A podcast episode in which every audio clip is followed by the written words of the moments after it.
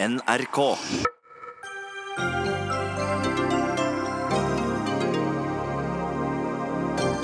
Ruter anmeldte 19-åring som ville dele billetten sin med andre.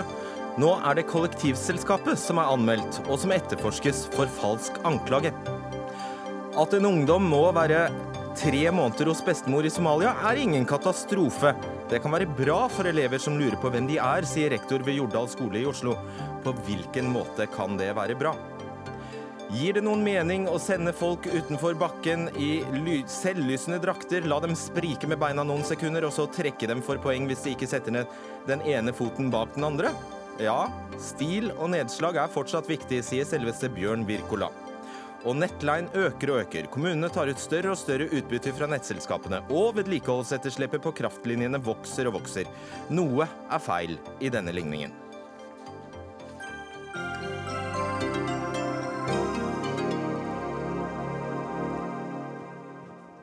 Vel møtt til en ny utgave av Dagsnytt 18. Mitt navn er Fredrik Solvang.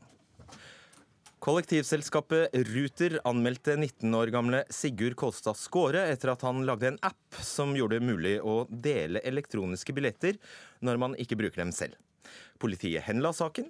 Ruter anket eller klaget, men da fikk kollektivselskapet smake egen medisin. For nå er det Ruter som etterforskes for falsk anklage og har status som mistenkt.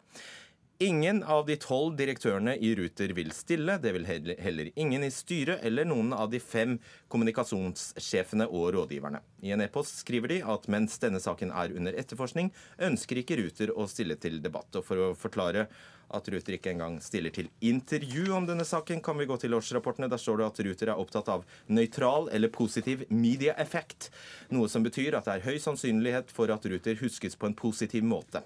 I årsrapporten for 2016 skriver Ruter sitat, en aktiv mediehåndtering fra Ruter er noe som bidrar til å nøytralisere potensielt negative saker gjennom året. Ledelsen skråstrek uttaler seg mest om samferdselspolitikk, visjoner og fremtidsrettethet. Sitat slutt. Sigurd Kolstad Skåre, du er vernepliktig. Velkommen hit. Ja, tusen takk. Denne historien starter altså for eh, ja, et års tid siden, da du eh, ville dele den elektroniske billetten din med søsteren din. Hva skjedde da? Nei, det som skjedde var jo at jeg har jo alltid hatt, eh, eller reist mye med Ruter. Og tidligere så brukte jeg å ha billetten på papir. Men så gikk jeg over til å ha billetten på telefonen istedenfor. Og da mistet jeg samtidig den muligheten jeg har hatt tidligere til å kunne låne bort eller dele billetten med søsteren min da, når jeg ikke brukte den selv. Eh, og så tenkte jeg det var jo veldig rart og veldig dumt. Eh, Så jeg satte meg nøye inn i vilkårene som Ruter hadde laget, og det sto jo ingenting der om at det ikke var greit å dele billett på mobil. Snarere tvert imot. Så da Hva, Men- sto, det, hva sto det da? eh, Det som sto tidligere, var at alle våre billetter verken på Eller alle våre billetter er upersonlige og kan deles med andre. Ja, nettopp. Så du tenkte da, OK, da lager jeg en app. Mm, så da lager jeg en app som muliggjør det, da. Også digitalt, og ikke bare på papir. Og da skjønner vi at eh, du er eh, Du kan disse greiene. Er du en, er du en nerd? En datanerd? Datasmart, som de sa i ukeslutt. Ja. Nei, da. Nei, men eh, jeg kan disse greiene, ja. Så Ja. Mm. Men så, eh, så du utvikler denne appen, og den innebærer i korthet at hva? Eh, Den innebærer i korthet at i, liksom, jeg og mine venner og brukerne av appen spleiser på billetter, og istedenfor at den billetten blir lagret på én telefon, så lagrer jeg den billetten, eller de billettene i en sky.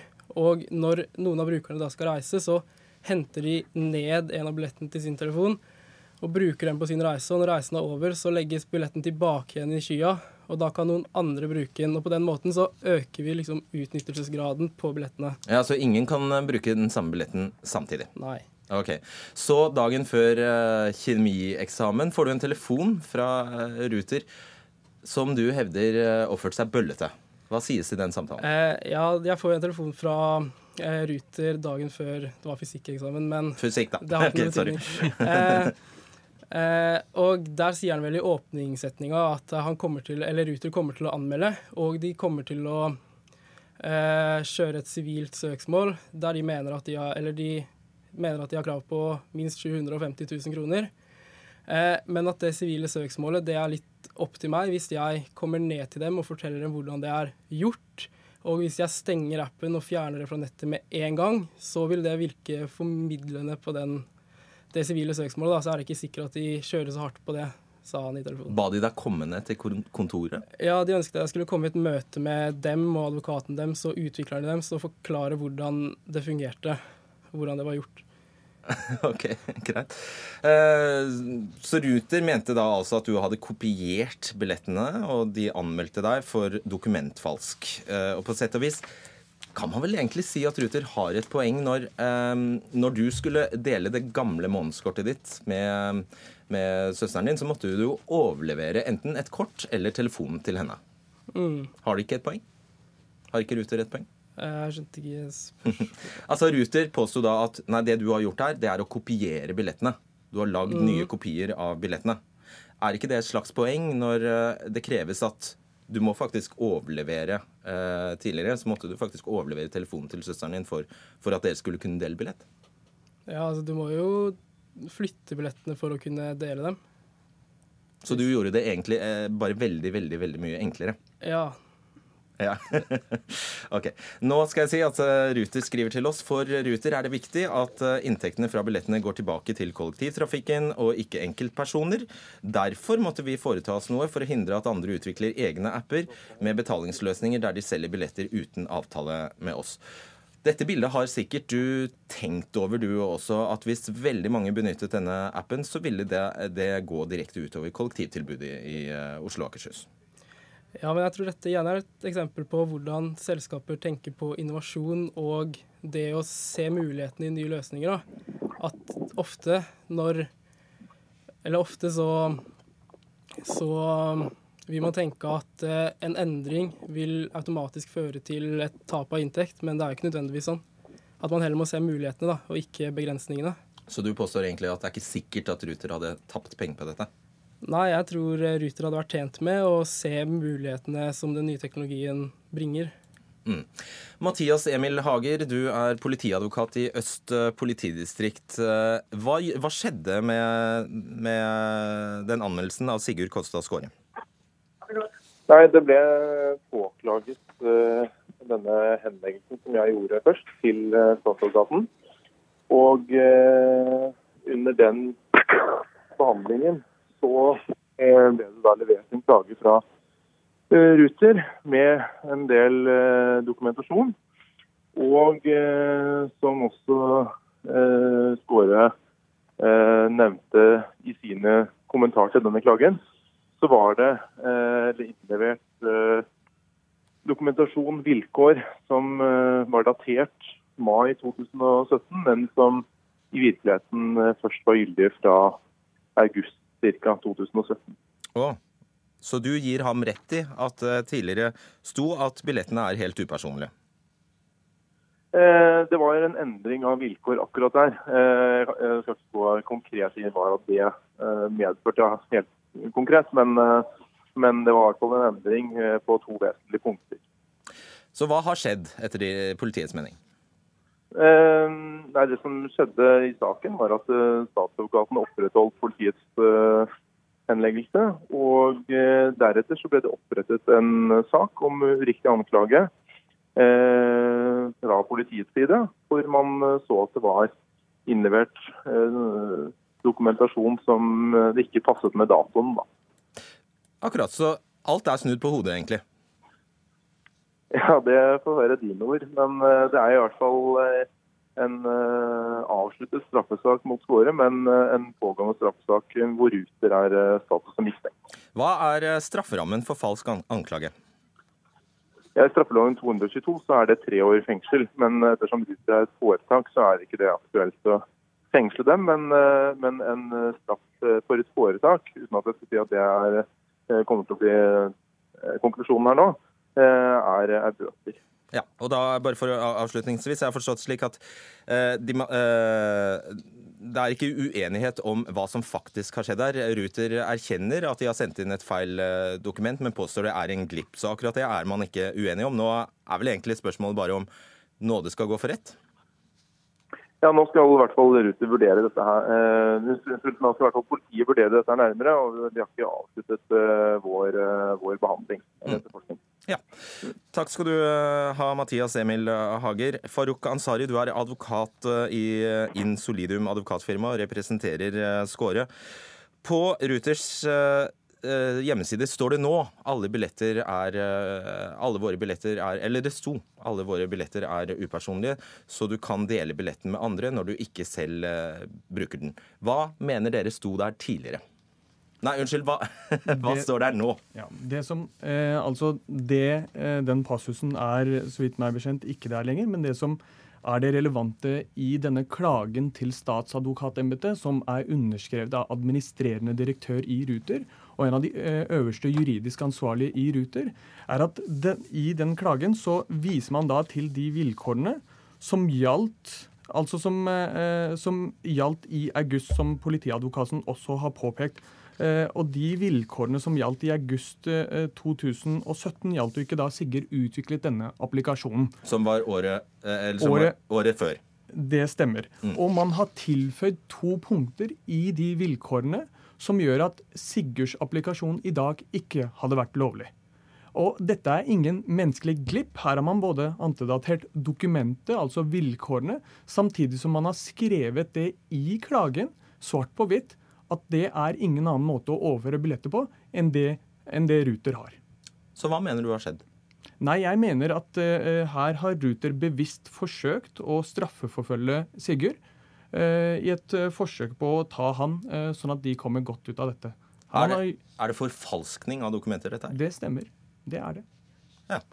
Eh, som sagt, Ruter erkjenner at de har gjort en feil, men de mener altså det er snakk om en glipp fra deres side, og sier det som skjedde, var at vi skulle sende med et Word-dokument fra mai, men ved en glipp la vi ved et Word-dokument fra august, og der var det skjedd en endring i mellomtiden.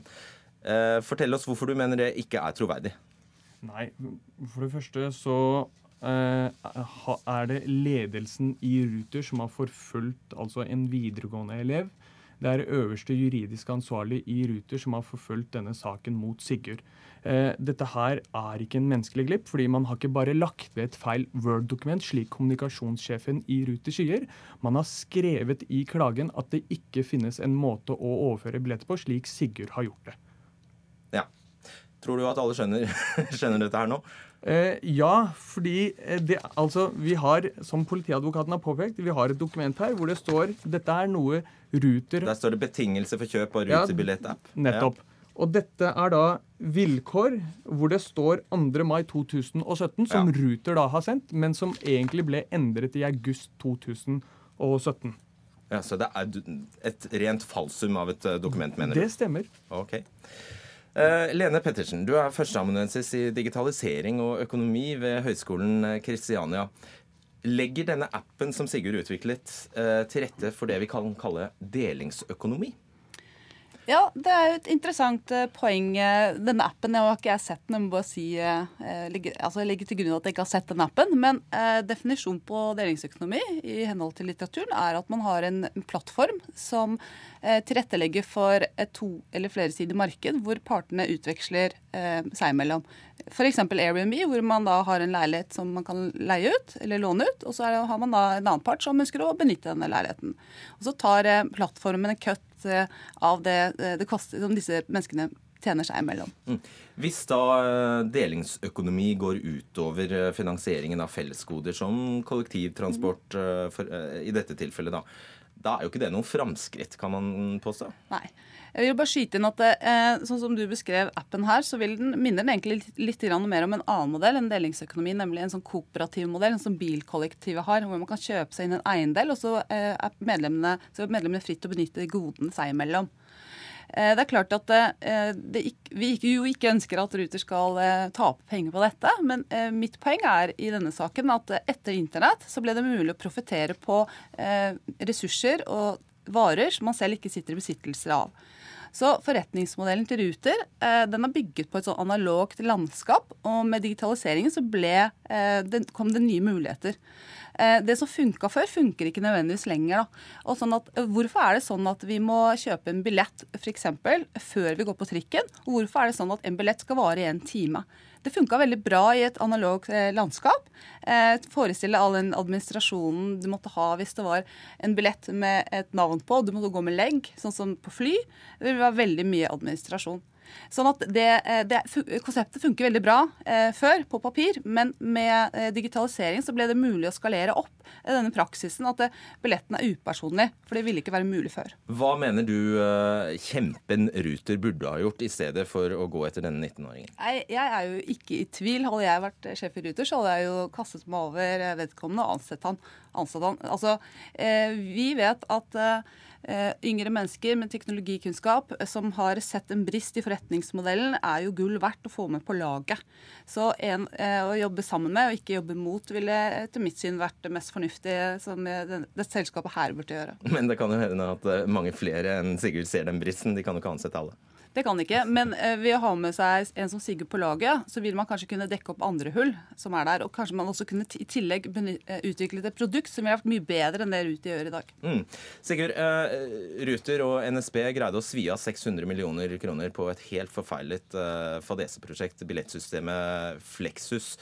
Uh, tok mange år før de greide å skrinlegge den saken. Hvor lang tid tror du det tar før Ruter legger til rette for at folk ja, eh, som reiser to timer kollektivt for eksempel, om dagen, men som har, et, uh, som har et kort, kan låne ut de 98% av det kortet de ikke bruker?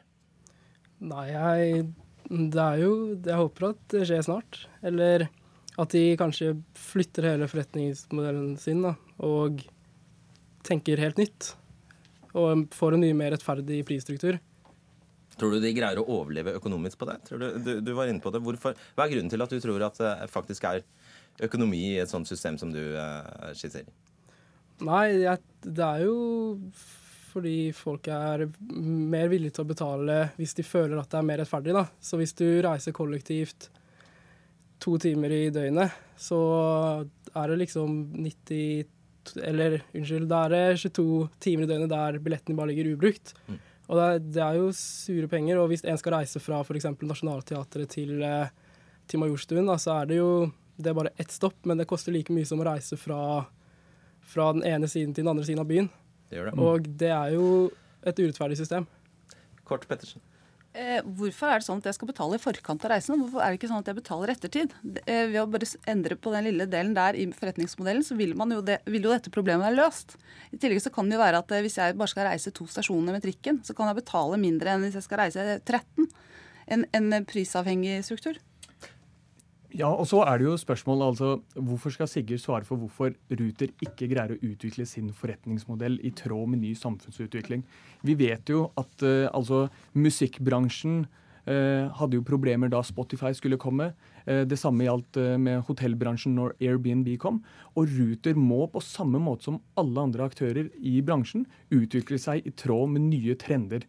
Og her så det, gjelder det altså å kaste seg over personer som Sigurd, istedenfor å bølle med dem, og istedenfor å forfølge videregående elever. Ja. Vi setter eh, strek der, og beklager nok en gang at Ruter ikke ville stille. Takk skal dere ha. Sigurd eh, Kolstad Skåre, Farouk Ansari, eh, Lene Pettersen og tidligere Mathias Emil Hager.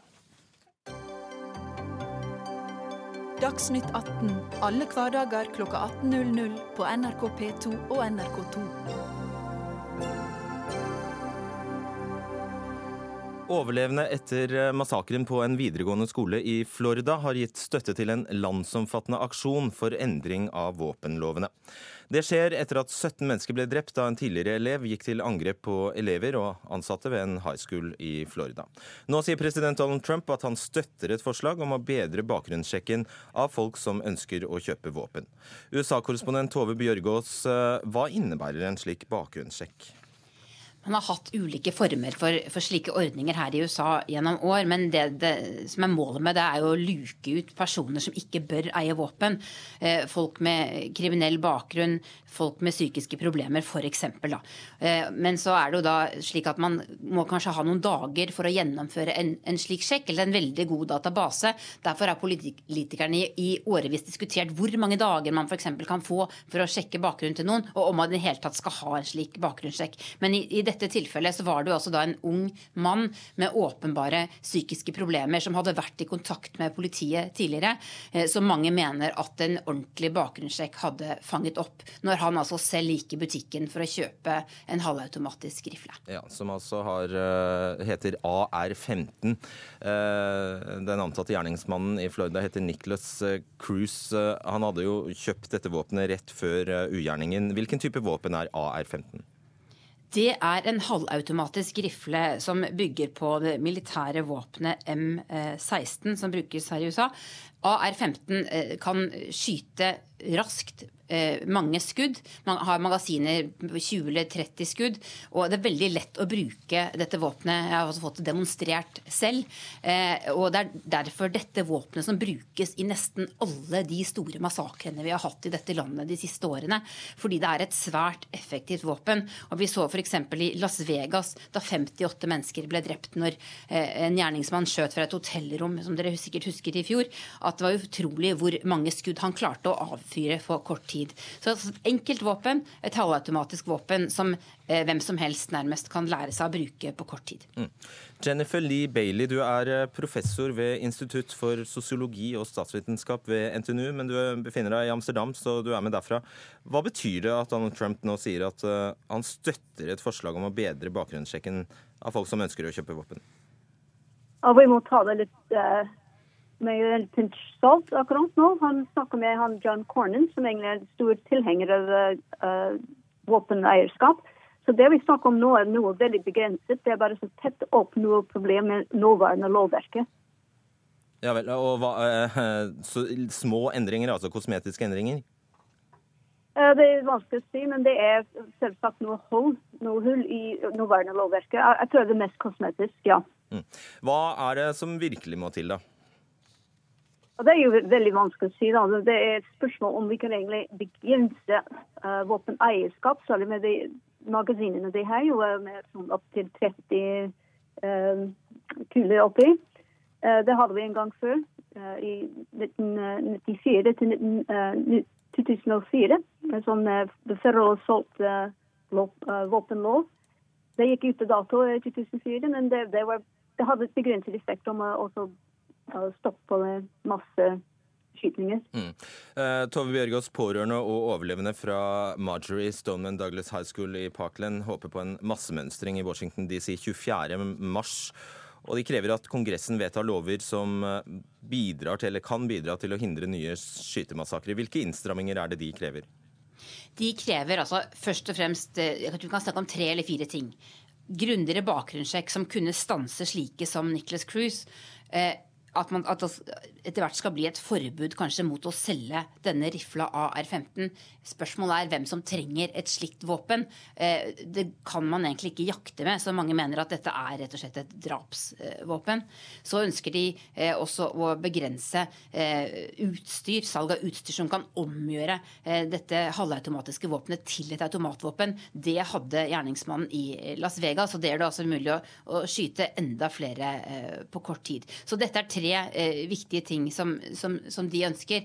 Eh, men, men, aller viktigst er det nok å forhindre eh, at hvem som helst skal kunne kjøpe et slikt våpen. Jennifer Lee Bailey, hvilke argumenter er de viktigste fra dem som absolutt ikke vil ha noen innskrenkinger her?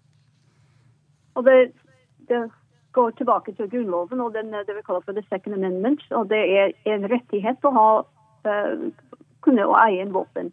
Så når det begynner å lage begrensninger på det man kan gjøre, det er å gjøre mer makt til føderale myndighetene til ulempe av individet. Så Det går stadig tilbake. Det brukte The National Rifle Association sier at det er en eksempel, et, et forsøk å sette begrensninger på din rett, dine rettigheter, og det er veldig populært. Ja, Bjørgen, Man hører til og med eksempler på eh, privatpersoner som anskaffer seg dette våpenet nettopp bare for å demonstrere eh, at de har denne rett, rettigheten, ifølge The Second Amendment. Ja, det er en, en, debatt som har blitt ekstrem i forhold til det med hva man har frihet til å gjøre som amerikaner. Jeg så en, mann på Facebook i helga som, som tilbød til å gi bort slike våpen til de som ønsket dem. Eh, for, for, å vise at alle kan få det fordi han hadde mange selv. Og da var det mange våpenmotstandere som sa at det skulle de eh, gjøre, og så skulle de levere inn våpenet til politiet. Men, Men dette er altså blitt en veldig, veldig, veldig politisert debatt eh, som, som handler om mye, mye mer enn våpen. Ja, ikke sant. Hvordan, eh, I de målingene som gjøres, hvordan eh, deler eh, det amerikanske folk seg i, i spørsmålet om sterkere, strengere våpenkontroll? Altså det er et ganske stort flertall i folket for noen det man kaller for common sense gun loss, altså begrense salg av enkelte våpen og dette med bakgrunnssjekk. Men eh, så er det jo slik at dette er et ekstremt splittet land, og de som er eh, altså Det deler seg gjennom de typiske skillelinjene vi ser eh, også mellom republikanere og demokrater, og mellom Trump og, og, og motstandere hans. Altså rik og fattig, høy og lav utdanning, by og land. De som har lav utdanning og bor på bygda, og spesielt spilt av mange menn. De er mye mer positive til våpen. Mens f.eks. der hvor skytingen skjedde i Florida, der er det veldig mange høyt utdannede foreldre på denne skolen. Eh, og, ungdom er også typisk mer negative til våpen. Eh, så, så det er en, en, sak som splitter USA slik, slik som USA er ekstremt splittet akkurat nå for tiden. Og våpenlobbyen selvfølgelig, Jennifer Lee Bailey. Ja, det har jo vært en veldig viktig lobby i de siste årene. Uh, det pleier ikke å være så ekstremt, men det har vært uh, veldig ekstremt i mange år nå. Så det er jo uh, altså, veldig vanskelig å kjempe imot dem. Nettopp. Takk skal dere ha, Jennifer Lee Bailey og Tove Bjørgaas.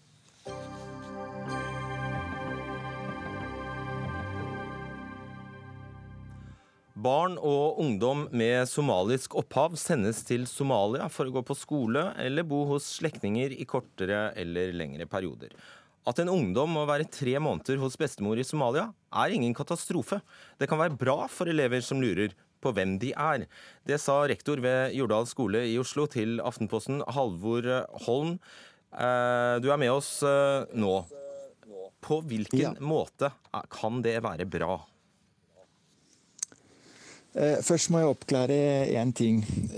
Ingen elever får fri for å dra til Somalia. Eh, vi tar avstand fra foreldre som sender eh, eleven, eller barna sine på lengre utenlandsopphold. Er dette, er det et korrekt sitat, dette her? Eller er det og dette er vår eh, holdning. At en ungdom må være tre måneder hos bestemor i Somalia, er ingen katastrofe. Er det et korrekt sitat? Det, eh, Altså Selv om vi ikke anbefaler eh, elever og barn å reise til Somalia, så er det, er det jo mange som gjør det allikevel. Og de reiser selv om eh, vi ikke gir dem permisjon eller fri. Det jeg prøvde å si, det er at eh, Nei, det er ikke nødvendigvis en katastrofe. Det kan gå bra allikevel. Eh, det som er viktig, er hva gjør vi når elevene kommer tilbake? Først så må vi hjelpe barna med å forstå hva de har opplevd. Og så må vi begynne å starte med å tette hull av ting de har gått glipp av i opplæringen. Det er ingen, bare For å oppklare dette først som sist, Halvor Holm. Det er ingen barn eller elever som får tre måneder fri fra norsk skole? For ingen å dra til barn Somalia. eller elever får fri fra tre måneder. Norsk, Nei, og Det er da mange reagerer, det er lett å reagere på at du sier at det er ingen katastrofe om, et, om en ungdom da er tre måneder på, hos bestemor i Somalia? Ja, og da er det en, en misoppfattelse. For det, det, jeg prøvde å si, det var at eh, hvis eh, noen drar selv om vi ikke anbefaler det, så, så, er ikke det nødvendigvis en katastrofe. Det kan gå bra likevel. Og det vi må passe på, er at vi hjelper de barna som kommer tilbake med å få det til å fungere i samfunnet. Vi må hjelpe dem med å tette de hullene, det de har gått glipp av. Og vi må få de til å fungere best mulig. Det vi i noen tilfeller ser, er at eh, noen som kommer tilbake, har en eh, litt dypere forståelse av eh, sine foreldres kultur. Og, og kanskje er litt mer motivert til å bruke de mulighetene som finnes her i Norge. Ok. Uh, Jon Engen eh, Helgheim, du er stortingsrepresentant eh, for Fremskrittspartiet. Hva, jeg skjønner at du stiller deg kritisk til det du fikk formidlet gjennom Aftenposten i dag. Nøyaktig hva er du kritisk til? Det er jo først og fremst den holdningen som jeg mener Holm her representerer. Det virker ganske handlingslamma, uklart. Og faktisk som at rektoren her ikke tar ordentlig avstand fra den ukulturen det faktisk er, og sender barna sine tilbake til Somalia. Problemet med dårlig integrering, som vi tydelig kan lese gjennom Aftenposten-saken at det faktisk eksisterer der, det er jo at man er for lite engasjert og for lite sammen og inkluderer seg for lite i det norske samfunnet. Og da vil all mulig fravær, og spesielt å reise tilbake til eh, en kultur som kanskje eh, bryter veldig mye, og som kan være årsaken til at det er vanskelig å fungere godt nok i Norge. Alt av sånne typer reiser må vi jo ta soleklart avstand fra. Right. Man må være helt tydelig. Er du kritisk til at de i det hele tatt reiser til Somalia? Hvis man er dårlig integrert i Norge, og vi ser jo her at foreldrene snakker dårlig norsk også, eh, de har egne foreldremøter på somalisk med bare somaliske foreldre. Her virker det som det er en god del gærent ute. Så svaret er ja, du er kritisk disse, til at de i det hele tatt reiser til Somalia? Ja, jeg er faktisk okay. det. Man burde hatt mer egeninteresse av å involvere seg i det norske samfunnet mm. enn å reise tilbake igjen til Er du kritisk til at de drar og besøker bestemor? Jeg ville nok vært mye mer krystallklar på hvis man skal lykkes i det norske samfunnet, bruk så mye tid du klarer ute blant nordmenn. Er du kritisk til at de drar og besøker bestemor, spurte jeg. Ja, jeg er kritisk til det. Når du ser at dette er faktisk barn og voksne som er dårlig integrert og skal bruke tid og ressurser okay. på å reise til Somalia da, det er jeg kritisk til. Ok, Er du kritisk til at de er der lenge? Ja, selvfølgelig. Jo lenger man er der, jo verre er det. Hvor lenge skal de få lov til å være i Somalia på ferie, mener du? Vi skal ikke først og fremst legge oss bort i ferie, men jeg vil fraråde eh, den type ting for eh, de som åpenbart trenger mer tid i Norge og snakke norsk, være ute blant nordmenn. Det er det man trenger, ikke være ute blant somalere. Men jeg er mest kritisk til at vi har sånne holdninger i skoleverket som åpenbart ikke tar dette nok på alvor. Det viser at vi trenger noen tydelige retningslinjer for hvordan man skal opptre når man eh, møter på dette. Du er vel prinsipielt enig Jon Helgeheim, i at du har ingenting med hvor andre mennesker ferierer? Det er ø, ikke det som er hovedpoenget her. det er helt enig i. Nei. Men jeg vil anbefale ja da, jeg vil bare anbefale å bruke mest mulig tid i Norge Jeg snakker norsk og hos nordmenn. Så det er en anbefaling til, fra deg om, om, hvor man skal feriere? Et, fe, et ferieråd, ja, en, ja. så, så mener jeg at Oslo-skolen også må ta tak i de holdningene som er eh, blant rektoren her. Når vi ikke klarer å ta eh, ordentlig avstand fra å skulke i tre måneder, som faktisk kan være svært skadelig for eh, disse elevene det gjelder. Barse Mosse, leder i eh, Somalis nettverk og bystyrerepresentant for Oslo Arbeiderparti.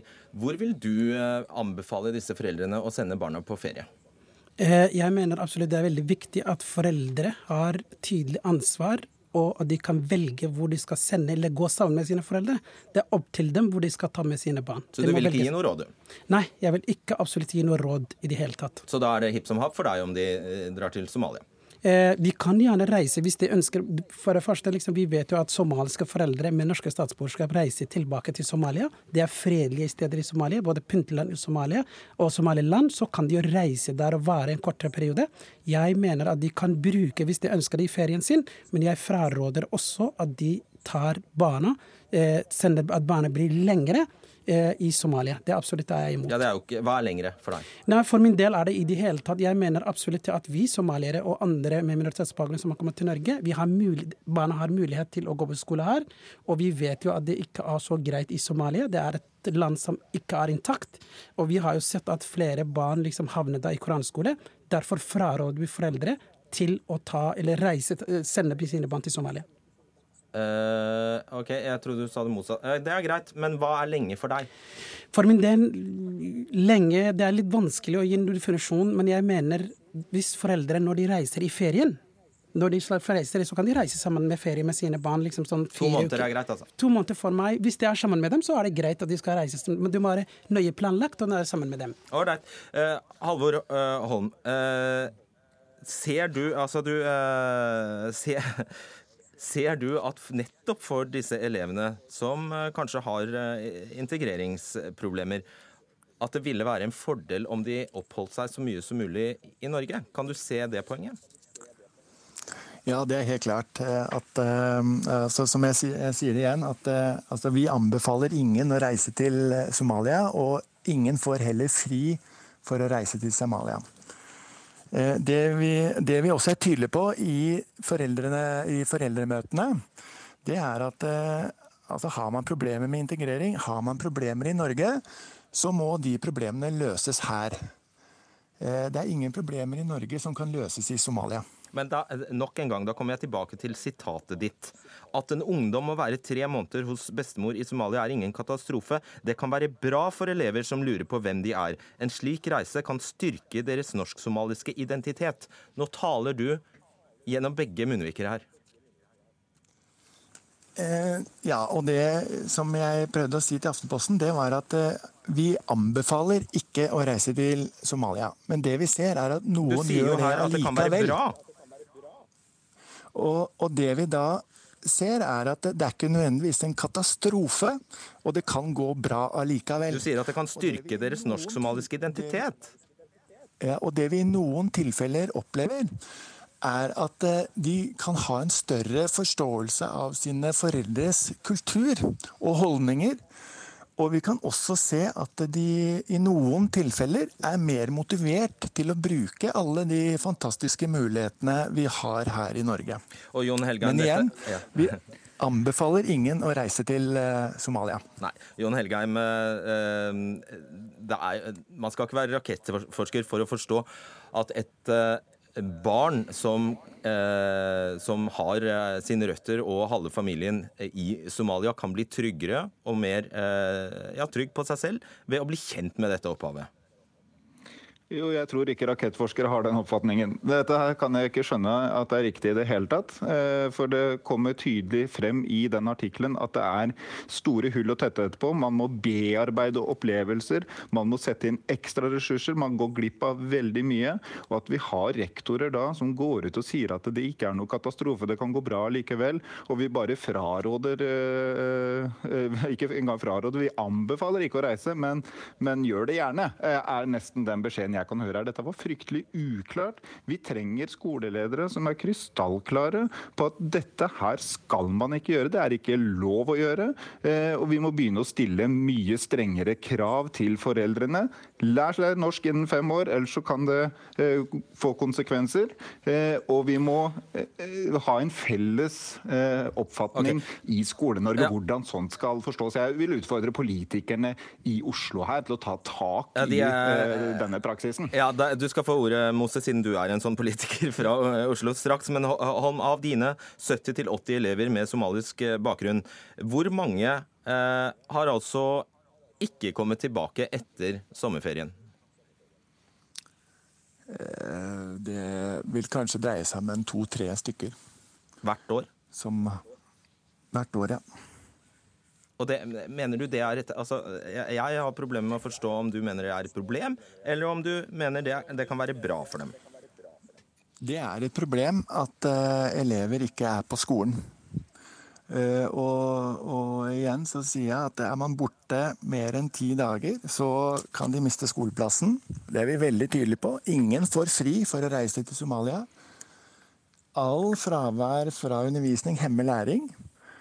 Det vi må jobbe med, er at når disse barna reiser allikevel, da må vi gjøre det beste ut av det. Mm. Og da må vi tette hull, og vi må få eh, de barna tilbake inn i skolen og inn i det norske samfunnet. Basse, Barsemose, ja. eh, så mye jobb som da må, som du hører rektor fortelle om, så mye jobb som må gjøres om igjen fordi at de har vært ute. Ja. Burde jo, det burde jo tilsi at det kom et klart og tydelig råd fra deg ikke reis hvis det innebærer at det går ut over skolen. Det sier jeg absolutt tydelig og klart, at, de, at vi ikke anbefaler at de skal reise til Somalia i det hele tatt. Men det som er viktig, vi må jo skille liksom vårt det, det, Rektor må jo være veldig tydelig. Han har jo et samfunnsansvar og samfunnsoppdrag for å informere foreldre tydelig at man skal ikke sende barna til Somalia. Men det er også veldig viktig å se den et prosjekt som har foreldrenes initiativ. At vi skal øke kompetansen til foreldre med nedsatt om foreldrerollen, om skole-hjem-samarbeid. Det er et prosjekt som er veldig, veldig viktig, som løser utfordringer. Men vi er alle sammen enige om vi må være veldig strenge. Og det er veldig viktig, den tydelige ansvaret hvor skoleledelsen, rektor, eh, helsesøster og alle rektor og inspektør er med. Ingen skal reise. Men man kan jo også tilrettelegge den enkelte hvis de for eksempel, hvis noen har reist og skal komme tilbake, så må man tilrettelegge til skolen med, det, med så mye tydelighet. Og så det vi har sett i Somalia, de med alle de utfordringene, med barn som sliter og blir psykisk syke, barn som har slått, så anbefaler vi ikke foreldre de skal sende tilbake til Somalia, men heller integrere og delta i samfunnet. Men Frp, for eksempel, når de snakker om dette med integrering, så har vi jo faktisk, selv om det er en sak som også nær sammenheng, så har vi jo, vi har jo problemer å forstå Frp, fordi at Frp liksom, de har jo på en måte kamp mot somaliere. Vi vet jo at liksom at eh, politikere fra Frp ønsker de liksom, vil jo dumpe den norske somaliske barn til Somalia. De ønsker at de skal reise til Somalia, og Somalia kan ta som f.eks. Ferdausa, den somaliske damen som fra TV 2. Så sier de ta med deg norske barn til Somalia, gjør hva du vil. Okay. Hva slags holdning har de da? Ja, Dette får du svare på, Helgam, kjapt. Ja, for dette er jo bare tull. Vi ønsker eh, somaliske barns beste, vi, men det virker eh, som eh, ikke alle foreldrene er klar over hva som skal til da. og Da vil vi være krystallklare på hva som skal til. Og så vet vi at vi har hatt mange skoler rundt omkring hvor de har hatt ledere som gjør denne slags bjørnetjeneste med å tilrettelegge, skal forstå seg hjelp, man har berøringsangst overfor disse problemene, tør ikke å ta klare standpunkt, og begynner å skylde på Frp til slutt her, da, som politikeren gjør. Og det er helt feil feil vei å gå. Det vi vet fungerer, det er å stille tydeligere krav, og at det får konsekvenser hvis man ikke følger opp. Dersom man eh, ikke har barna sine i skole eh, uten å ha fått fritak, så burde man få eh, forskjellige typer eh, trekk i stønader dersom man har det. Og jeg ville nesten gått så langt som å si at vi skulle innført en slags bøteordning dersom du ikke sender barna dine i skole. Da foreslår jeg Jon Helgheim, at du får din egen regjering til å foreslå det, men det har vel ikke skjedd, skjedd vel? Vi har flere tiltak på plass som stiller tydelige krav til foreldre. De to konkrete forslagene du nevnte der, har vel ikke din egen regjering Nei da, vi er, ikke, vi er ikke der ennå, men dette, dette her er hele tida ting som vi må snakke om, diskutere og se på Så du bare slang det ut på vegne av Frp utafor regjering, da? Dette her er ting som vi hele tiden må diskutere og se på. For så nye ordninger for å stille tydelige klar, krav til foreldrene. Halvor Holm, eh, Basse Morse, eh, Jon Engen Helgheim, takk skal dere ha.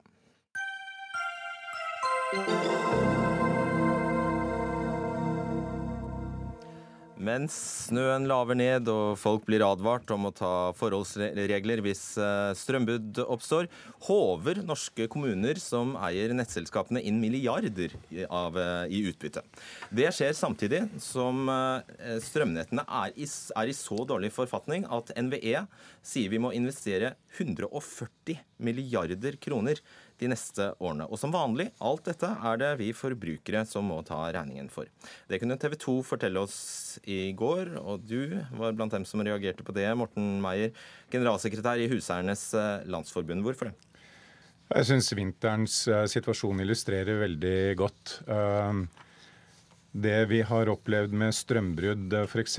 på Sørlandet, er jo en illustrasjon på hvor dårlig det står til med strømnettet vårt, og hvor stort behov det er for vedlikehold, for linjerydding eh, og for investeringer i nettsektoren.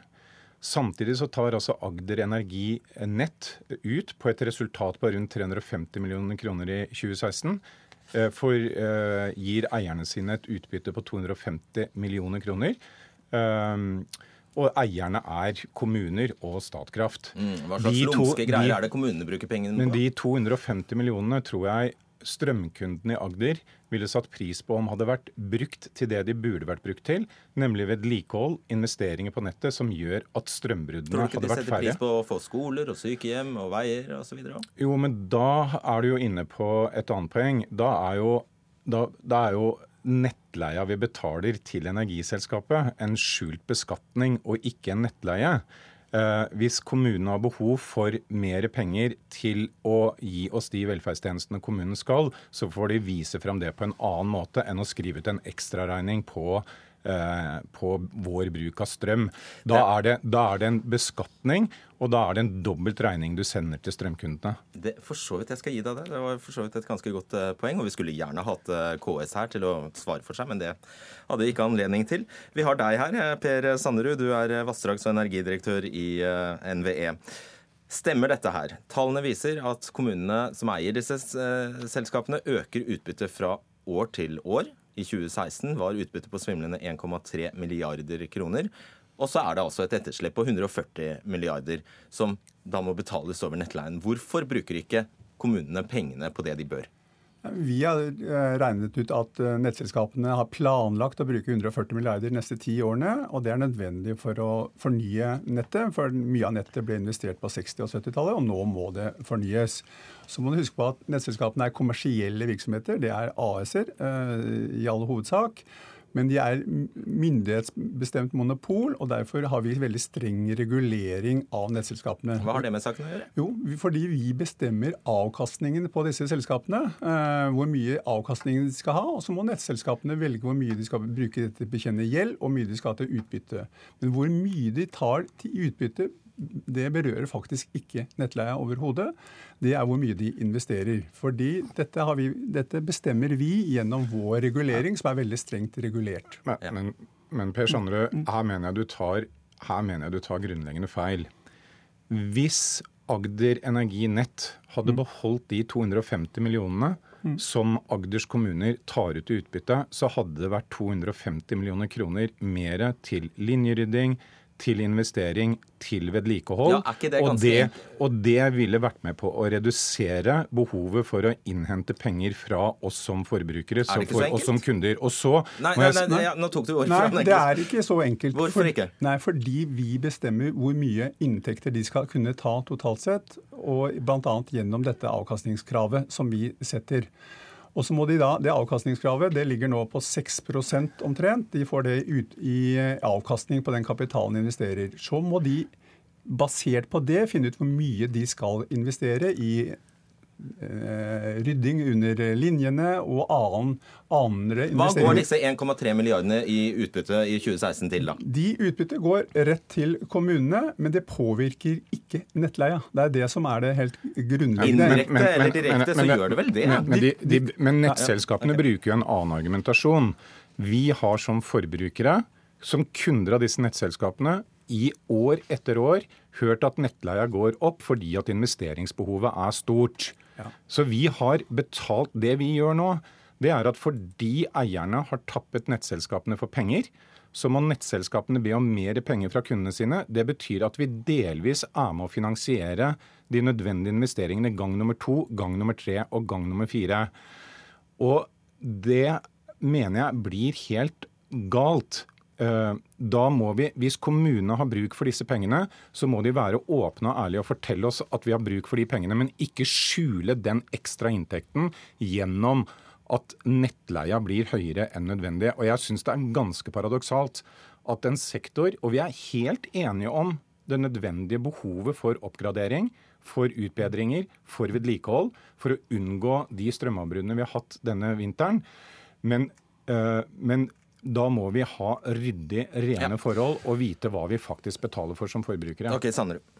Det som bestemmer nettleie, er hvor mye de kommer til å investere. Og vi er enig i at de skal investere mer. Dere kommer til å øke eh, nettleia. Hvor tar de dette utbyttet fra da? De tar det fra den avkastningen de får. Ja, Men det går ut på det samme? Nei, det gjør ikke det. Fordi... Jo, For oss gjør det jo det. For Nei. forbrukerne ja, gjør det jo det. dette er jo selskapet Nei. vi eier. Ja, dette er jo for forbrukerne dette går det jo på akkurat samme. Det, det er jo, det er jo ikke, dette er jo ikke aksjonærer som har skutt inn masse kapital. Verdien her er en infrastruktur som vi som fellesskap har bygget over tid. Så dette AS Per Sandrud snakker om, det er jo et AS som du, eh, Fredrik Solvang, Per Sandrud og jeg eh, Infacto eier. Og private virksomheter. Og de, for å få investeringer inn i de selskapene, må de få en avkastning. Den avkastningen bestemmer vi størrelsen på.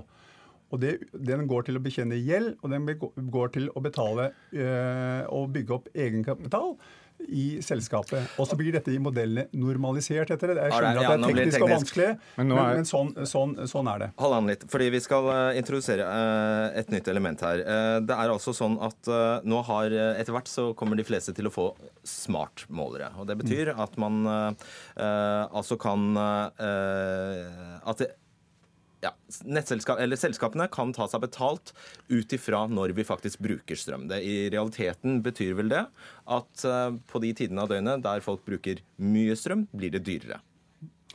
Ja, Hele poenget med, med denne effektprisingen som vi kaller det, er jo at i gjennomsnitt skal da nettleia gå ned. Fordi man slipper å bygge ut så mye nett som tar toppene av eh, strømbelastningen. Så i snitt så vil forbrukerne bruke eh, mer. De fleste vil bruke, betale ca. Betale ca. Det, det samme, og så vil noen få betale mer. En slags rushtidsavgift, er det riktig? å- Men alle, vet du, I Norge så har vi altså mer enn nok miljøvennlig grønn strøm. Utfordringen er at vi på visse perioder har en utfordring med kapasiteten i nettet. Vi må lage et regime, vi må gjøre reguleringer som gjør at vi virkelig får brukt kapasiteten i nettet. får fasa ut fossile, fossile energikilder, virkelig elektrifisert Norge. Og da må NVE komme opp med forslag som stimulerer til riktig bruk, og ikke straffe familier som trenger å dusje, uh, koke kaffe og sette i gang oppvaskmaskinen klokka åtte om morgenen, altså. men det, det- det er et dårlig incitament. Okay, det er ikke et bidrag til Nei. å endre atferd slik at vi faktisk får brukt nettet effektivt og riktig. Og får sørget for at vi så er det vel et Vi bruker stadig mer strøm, og det blir køer i nettet. og Så gjelder det å ta de køene litt ned, slik at uh, dine huseiere får betalt litt mindre for strømmen, fordi at transporten blir da billigere. Hvis ikke, skal, hvis ikke så, så må vi investere på toppene, og så vi bruker veldig få timer i løpet av, av, eh, av året. Men- og Her vil det komme styringssystemer som gjør at du slipper å tenke på om du skal lage middag, de litt mer banale eksemplene, og vaske om natta. Dette kommer styringssystemer som gjør at du smart, på en smart måte gjør at du tar ned forbruket når vi trenger det som mest. Men utfordringen er at du har laga et system som ikke stimulerer til den atferden som er bra for samfunnet, som gjør at vi får brukt mer grønn strøm. Hvis jeg, eh, hvis jeg bruker mye strøm på et tidspunkt hvor, eh, hvor andre ikke bruker mye strøm, så skal jeg betale den samme overforbruksavgiften som eh, i de periodene hvor, hvor effekten, eller hvor, hvor du er på topp.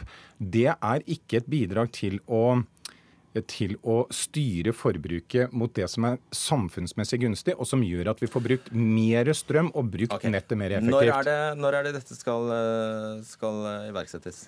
2021, Vi har et forslag ute. Nå skal vi høre på eh, de ulike partene her. Om, eh, og De skal få lov til å mene hva de vil om, om dette. og Så skal vi se på det, og så skal vi bestemme oss om vi skal innføre det systemet som vi har foreslått. Men det vil i tilfelle gjelde fra 2021. Vi syns, vi syns NVE skal sette seg ned sammen med miljøorganisasjonene, industrien og forbrukerorganisasjonene og komme med sammen frem til et forslag som gjør at vi når målet. Et elektrifisert Norge som utnytter den grønne vannkrafta vår best mulig. Ja, og da er det, med, da er det viktig med, med billig transport, lave priser på transporten. Da kommer vi til å bruke mer. Takk. Morten Andreas Meyer og Per Sanderud. Hør Dagsnytt 18 når du vil. Radio NRK Radio.nrk.no.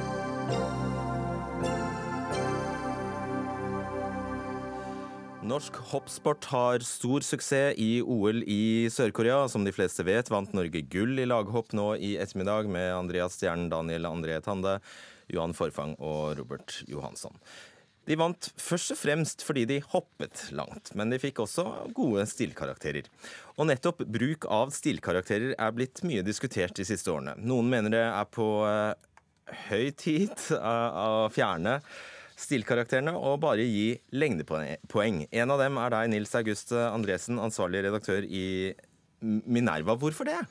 Så Stilkarakterer har vært en anakronisme lenge. Det ble jo veldig tydelig for vår generasjon med Bokløv-stilen, som det ble kalt den gangen.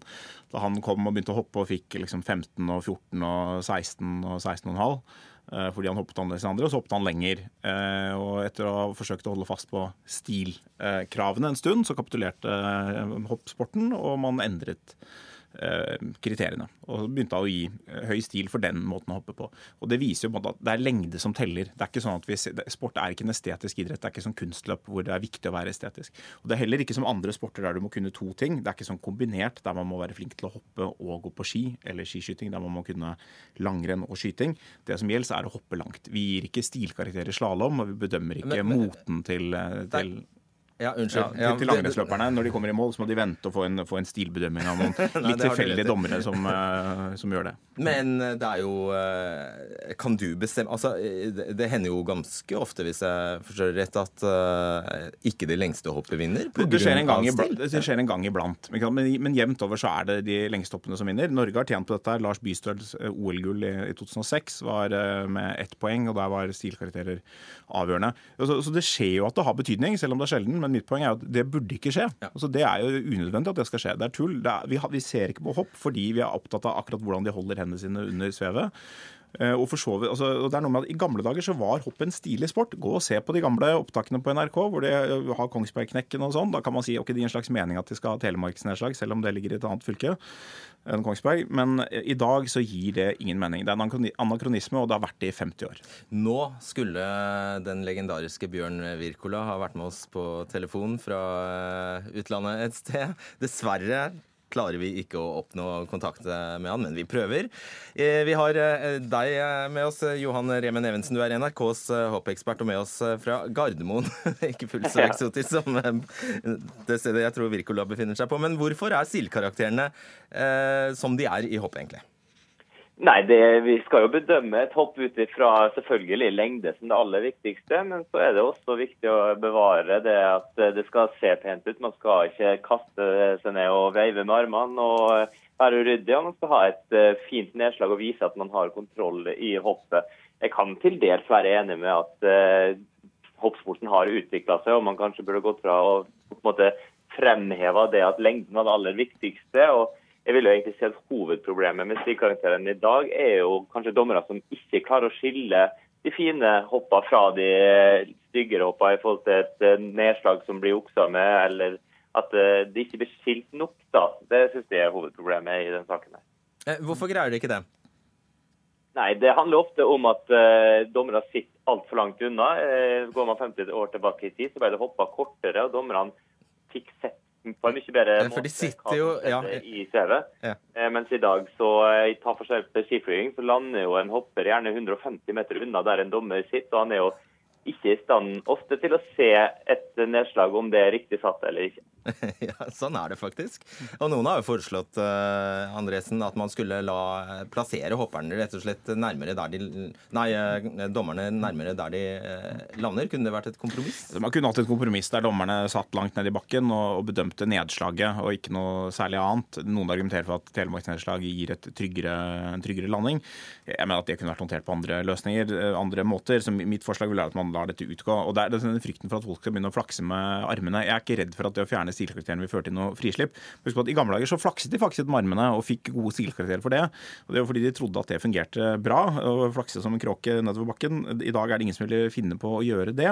Eh, og, og, og det er litt av poenget på at Hvis det skulle vise seg at det var det beste for å hoppe langt, ja da ville vi jo applaudert at de gjorde det. Det, det er ikke den motsetningen.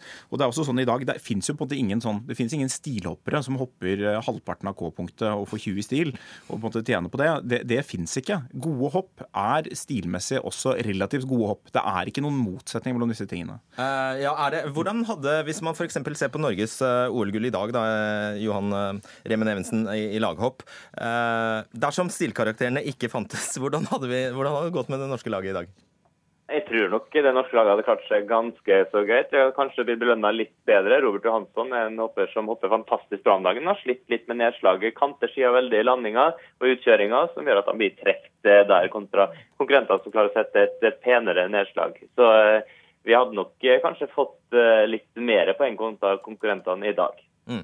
Og jeg vet at Wirkola er av den formening uh, Andresen, at det faktisk er tryggere å sette et skikkelig telemarknedslag. Altså det kan være, som jeg sa, jeg, jeg tenker at det, det, viktigste her er ivaretatt ved at hvis du faller da, før fallgrensen, da teller ikke, eller da, da får du trekk. Uh, og det måtte sørge for at hopperne er nødt til å prioritere relativt trygge landinger, så de holder seg på beina. Uh, og vi, Det er ikke sånn i noen andre sporter som det er naturlig å sammenligne med. Slalåm. Altså det, det, er ikke sånn at hvis du ikke gjør det pent, så har du større sjanse for å falle. og så så får du trekk.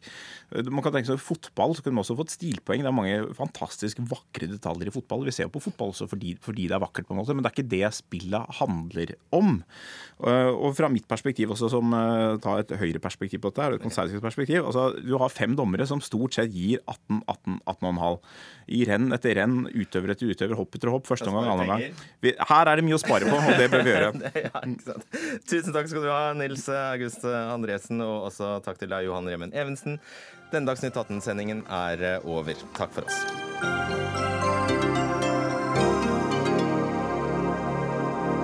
NRK.